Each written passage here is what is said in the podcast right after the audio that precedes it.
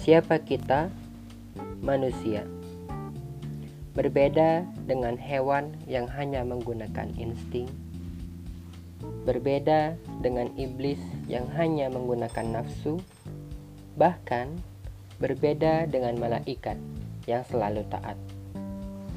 Manusia diberi kehendak bebas untuk menentukan kebaikan atau keburukan, ketaatan atau kekufuran.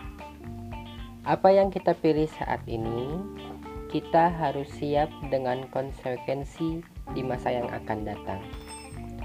فَمَن يَعْمَلْ مِثْقَالَ ذَرَّةٍ خَيْرًا يَرَهُ وَمَن يَعْمَلْ مِثْقَالَ ذَرَّةٍ شَرًّا يَرَهُ Maka barang siapa mengerjakan kebaikan seberat zarah, niscaya dia akan melihat balasannya.